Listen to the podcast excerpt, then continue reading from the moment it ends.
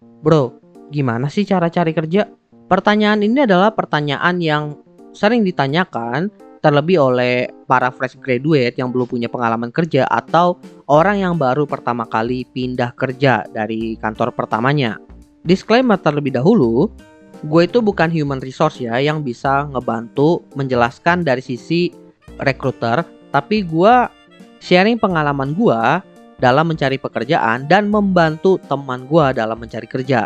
Gue sendiri baru sekali ya untuk pindah kerja, tapi gue udah melalui beberapa cara dalam mencari pekerjaan. Serta gue juga sering mendapatkan masukan atau referensi dari teman-teman gue yang juga lagi mencari kerja saat ini. Dan gue juga membantu mereka mencari pekerjaan dengan metode-metode yang udah pernah gue lakuin. Kenapa gue bahasnya tentang cara mencari kerja? Karena kalau membahas tentang cara meningkatkan kemungkinan diterima kerja itu, itu dari sisi rekruter. Sedangkan kan gue bukan rekruter tapi dari sisi pencari kerja kita bisa meningkatkan probabilitas atau kemungkinan kita dipanggil untuk interview dengan cara memperbanyak lowongan yang kita lamar. Lalu cara untuk memperbanyak lowongan yang kita lamar itu tentunya dengan memperbanyak referensi atau sumber lowongannya. Dan di sini akan gue bahas beberapa metode mencari pekerjaan. Dan list ini gue susun dari tingkat kemungkinan kita itu lanjut dipanggil interview. Tapi listnya di sini itu sifatnya subjektif ya, berdasarkan pengalaman gua. Di mana gua ngeliat nih, mana metode yang memiliki tingkat kemungkinan dari gua dan teman-teman gue itu sering dipanggil interview. Bisa saja berbeda dengan orang lain. So, langsung aja. Metode pertama, mencari pekerjaan dari platform pencari kerja. Sampai saat ini ya, perusahaan itu masih sering posting lowongan pekerjaan itu di platform pencari kerja seperti Jobstreet, Caliber, Glints, dan lain-lain bisa dibilang lowongan yang ada di website pencari kerja itu itu banyak banget. Cuma ketika kita udah ngelamar lowongan tersebut, justru gua dan temen-temen gue itu jarang banget dapat panggilan dari lowongan yang ada di platform pencari kerja ini. Bisa dibilang ketika udah ngelamar itu jarang banget ada respon. Tapi gue pernah mendapatkan respon, cuma gue baru mendapatkan respon itu setelah tiga bulan dari terakhir kali gue ngelamar pekerjaan tersebut. Kalau gue tanya temen gue itu rata-rata mereka itu gak pernah dapat balasan. Terus masalah lain yang gue temukan dari lowongan yang ada di platform pencari kerja itu adalah lowongannya itu kurang update. Tentunya ya kalau lowongan baru itu dia akan muncul yang paling atas. Tapi kan kita sebagai pencari kerja nggak mungkin dong kita cuma patokannya dari pekerjaan yang latest saja. Kita pasti scroll-scroll dong beberapa lowongan kerja yang pernah diposting. Dan gue sering menemukan lowongan-lowongan yang usianya itu udah sekitar 4 bulan, 6 bulan, bahkan setahun. Cuma gue agak bingung sih, ini apakah memang mereka itu belum mendapatkan kandidat yang tepat dari lowongan tersebut atau lowongan itu cuma buat uji coba nih atau memang mereka itu udah dapat kandidat cuma mereka lupa mereka pernah posting lowongan di sini sehingga nggak di cancel jadi karena kurang balasan dan juga lowongan yang kurang up to date ini membuat gue kurang merekomendasikan menggunakan platform pencari kerja. Tapi gue rekomendasi kalau seandainya di lowongan tersebut ada email HRD-nya yang kita bisa kontak. Karena kita bisa berkomunikasi langsung dengan pihak HRD perusahaannya. Dan itu masuk ke poin kedua. Cari kerja di website perusahaan dan email langsung ke email HRD perusahaannya. Tentunya selain mereka itu cantumin di platform pencari kerja, kemudian posting di LinkedIn. Banyak juga kok yang naruh lowongan pekerjaan itu di website perusahaannya. Biasanya kalau melalui website perusahaan, biasanya ada form yang harus kita isi ketika kita mau ngelamar pekerjaan tersebut. Kalau nggak ada formnya, kita kirim CV dan portofolio itu ke email perusahaan yang tercantum. Kalau dari pengalaman gue dan temen gue ya, yang pernah ngirim email dan juga ngelamar pekerjaan di website perusahaan itu, responnya itu bisa dibilang agak lama tapi nggak selama platform pencari kerja itu yang sampai tiga bulan kalau ada panggilan biasanya itu rata-rata sebulan maksimalnya cuma ya jeleknya kalau misalnya kita itu udah ngisi di website perusahaan tersebut atau ngirim email lalu nggak lolos ya kita nggak tahu nggak ada update-nya lalu masalah lainnya adalah ada beberapa website perusahaan itu yang kurang di maintain jadi lowongannya itu kita nggak tahu tuh itu lowongan baru atau lowongan lama. Lalu metode ketiga atau cara ketiga mencari pekerjaan adalah lewat job fair. Ini adalah metode yang mengantar gua ke pekerjaan pertama gua. Soalnya di situ kita itu bisa bertemu langsung dengan pihak perusahaannya, orang-orang perusahaannya. Saat itu gue ketemu sama CEO dari perusahaannya. Kebetulan saat itu perusahaannya itu startup. Tapi kalau kalian ke job fair langsung dan itu perusahaan besar biasanya kalian bisa langsung ketemu sama pihak HRD-nya. Plusnya ya kita bisa langsung tanya ke mereka tentang perusahaan mereka itu lowongannya itu butuh apa aja. Bahkan banyak ya yang di job fair itu HRD-nya itu mengadakan live interview. Jadi kalau seandainya lowongannya itu udah cocok dengan spek yang kita miliki dan kita pede, kita bisa langsung interview dengan HRD-nya di sana. Informasinya jelas, kita bisa ketemu HRD langsung, bisa langsung interview. Masalahnya adalah ramai. Biasanya yang ikut job fair itu banyak banget, jadi kita harus siap-siap bersaing dengan kandidat-kandidat lain yang datang ke sana. Lalu cara keempat itu lewat headhunter. Jadi buat yang belum tahu headhunter itu apa, headhunter itu adalah orang yang ngebantu mencarikan kandidat untuk bekerja di perusahaan. Untuk saat ini headhunter itu biasanya nyari orang-orang yang di posisi atau di bidang teknologi dan juga orang-orang yang manajemen. Ini kenapa gue rekomendasiin karena headhunter itu ngebantu buat memilah-milah nih mana aja kandidat yang cocok dengan lowongan pekerjaan yang mereka miliki. Jadi intinya di sini adalah kita itu memanfaatkan koneksi dari si headhunter ini. Karena kan biasanya headhunter ini itu bekerja di perusahaan tersendiri. Emang perusahaan uh, consulting yang buat ngerekrut gitu.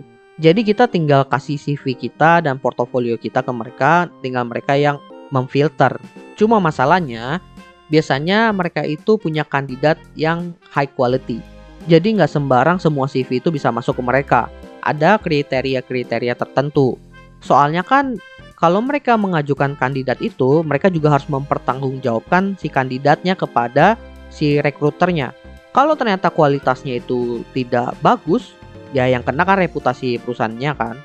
Jadi ya bisa dibilang kalau kita cari kerja lewat headhunter ini itu malah nambah satu layer lagi, yaitu layer filter dari si headhunternya tersebut. Tapi sekalinya kita udah tembus tuh, biasanya job-jobnya itu bisa dibilang lumayan berkualitas juga sih. Lalu cara kelima, sosial media profesional, yaitu LinkedIn. Jadi LinkedIn itu adalah sosial medianya buat para pekerja kantoran atau profesional ya. Di mana di situ dia juga sembari sebagai platform pencari kerja. Kita bisa posting pekerjaan di sana, kita bisa ngelamar pekerjaan di sana. Tapi yang gue fokuskan di sini adalah bukan kita ngelamar pekerjaan lewat LinkedIn, tapi kita memperbagus portofolio kita dan kita posting di LinkedIn. Dan kita harus aktif di LinkedIn sebagai konten kreator juga.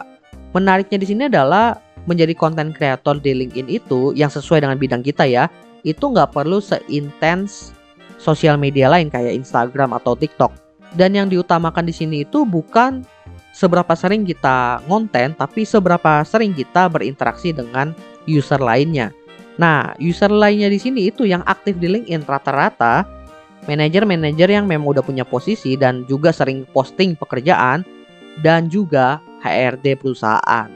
Makanya kita disarankan itu aktif berinteraksi di LinkedIn biar dinotis oleh orang-orang yang megang posisi untuk meng-hire. Tapi tentunya kalau kita berinteraksi itu jangan over lah, yang sewajarnya aja. Dan kalau kalian itu pengen ngonten di sana, fokuslah kepada kelebihan kalian dan tentunya jalur karir yang kalian mau. Tunjukkanlah expertise kalian.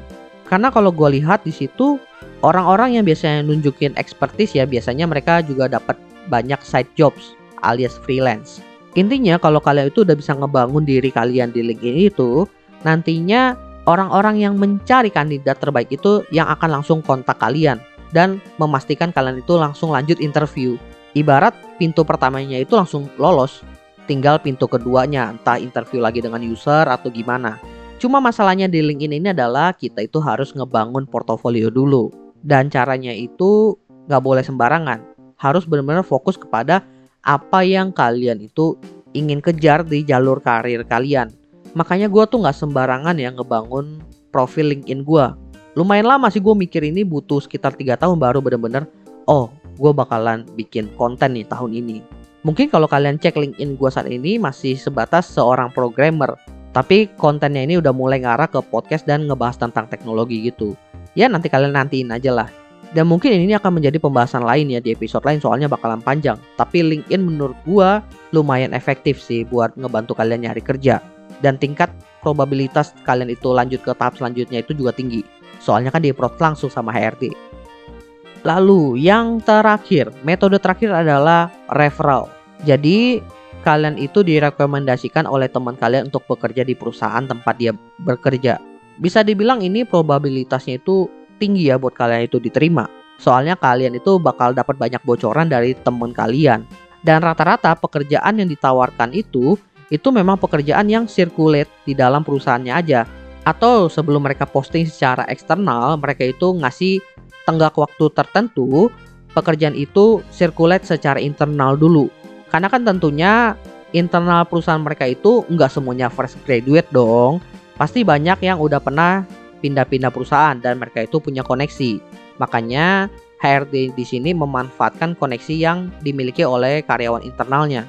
Bahkan ya banyak HRD perusahaan itu yang menawarkan kalau misalnya hasil referralnya ini benar-benar diterima dan lolos masuk ke perusahaannya itu, teman kita yang merefer kita itu bakal dapat reward. Makanya jangan heran kalau seandainya kita itu di refer teman kita, kita bakal dibantu banget nih, bakal dipus banget nih sama teman kita. Jadi ya saran gue kalau kalian itu pengen punya banyak referral, baik-baik nih sama teman kerja kalian. Jangankan teman kerja, teman kuliah juga harus baik-baik. Boleh banyak teman, tapi kalau hubungannya itu agak kurang ya sama aja bohong kan. Yang penting itu teman kalian itu tahu kemampuan kalian dan apakah mereka itu bisa mempercayai kalian dalam melakukan sebuah pekerjaan. Menurut gue sih itu yang penting sih sehingga mereka itu bisa yakin merekomendasikan kalian itu ke HRD perusahaan tempat mereka bekerja. Well, jadi itulah beberapa cara mencari pekerjaan yang udah pernah gue lakukan dan juga teman-teman gue sharing kepada gue. Sekali lagi, list-list ini gue susun dari tingkat keberhasilan bisa lanjut ke tahap selanjutnya, tapi sifatnya itu subjektif dari pengalaman gue dan teman-teman gue. Semoga episode kali ini bermanfaat ya buat teman-teman semua dan bisa membantu teman-teman itu meningkatkan kemungkinan kalian mendapatkan pekerjaan baru. By the way, jangan lupa follow Instagram Opsiana Podcast di @opsiana_media karena di situ akan ada informasi-informasi menarik seperti update dari Opsiana Podcast dan konten-konten menarik lainnya yang pastinya nggak boleh terlewatkan oleh teman-teman. Oke, gua rasa itu aja. Thank you buat teman-teman yang sudah mendengarkan. See you next time di Opsiana Podcast episode lainnya. Bye semuanya.